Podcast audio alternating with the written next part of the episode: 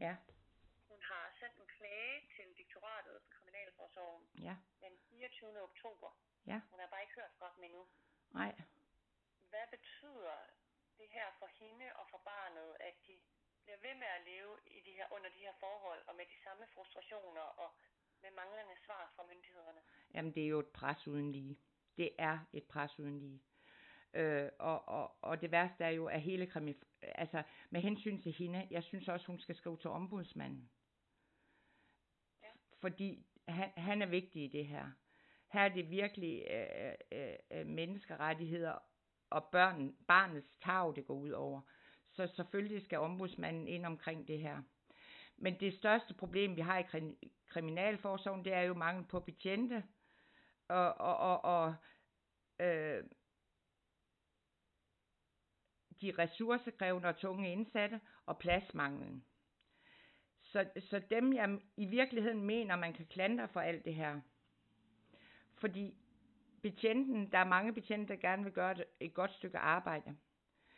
Men det vi skal kigge på allermest, også i forhold til det her barn, der sidder inde ved Rihanna Vachit, at det er, at vi har en regering og nogle politikere, øh, der råber og skriger på strengere og straffe. Og det er altså folkevalgte politikere, som lige pludselig både agerer politimester, retsstand, øh, øh, øh, sundhedspersonale, og, og, og de lytter ikke til, de har ikke syn og respekt for, for loven og de menneskerettigheder, de selv arbejder under. Altså hvis du spørger øh, en psykolog, som du har talt med, professor og kriminolog, krimin, kriminologer, jeg har så svært ved det ord, nå, øh, øh, øh, så siger de jo alle de her ting, hvad der er moralsk og sikkerhedsmæssigt og sundhedsmæssigt forsvarligt. Og jeg tror som gerne, Kriminalforsorgen virkelig vil agere efter det. Men hvad hjælper det, når vi har en regering, der skriger på strengere straffe? Som, Så du tror, at når Kriminalforsorgen er så rigide, som de er, ja, så er det faktisk regeringen, der pålægger dem at være så strenge? ja. Ja. Altså, øh, øh, altså, det er min helt klare holdning. Mette Frederiksen udtalte selv mangel på penge og kapacitet i form af personale og person- fængselspladser, har alt for længe begrænset ret, retspolitikken. Det er, hvad hun siger hver gang. Men det er lige omvendt. Hvordan Altså, er det? det er, at, at, at den retspolitik, der bliver ført nu, og som der er stemmer i for politikeren, de begrænser personalet i at gøre deres arbejde ordentligt.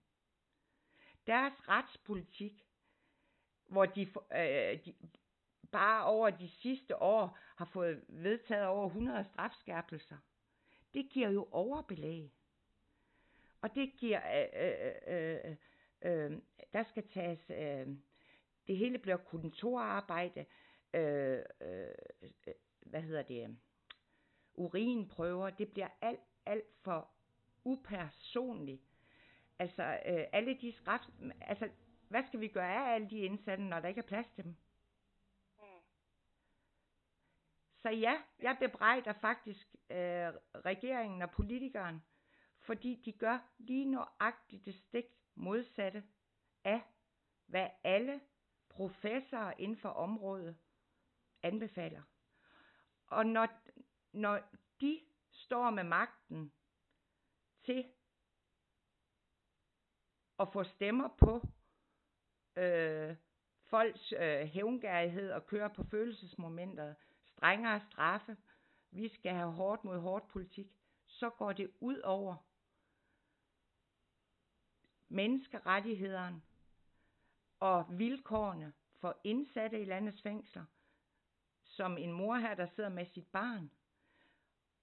Og det går ud over de ansatte.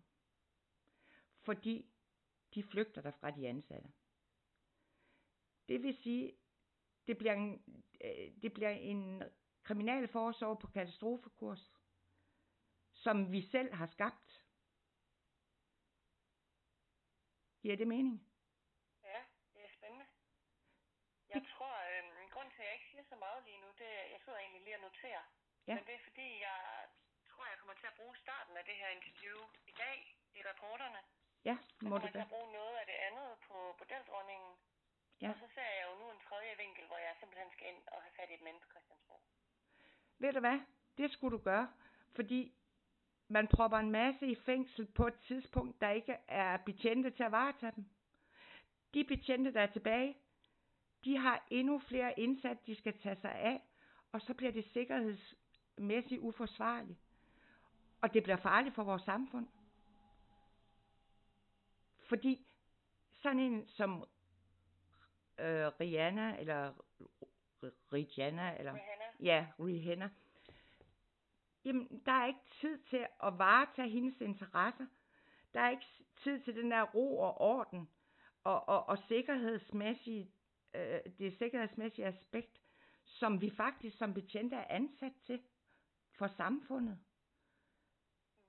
Altså, øh, øh, der er slet ikke plads til det mere. Og, og det er jo at køre vores samfund i seng. ja. Det er kontorarbejde, registrering, kontrol. Og det, det, det, det er ikke kun de indsatte, der går ud over. Øh, det er også de ansatte. Altså øh, øh, fængselsbetjent. Og, og så samtidig så har vi også fået øh, nogle øh, tunge og, og meget belastede indsatte, der fylder meget. Altså, men hvad hjælper det at lave bandepakke 1, 2, 3, 4?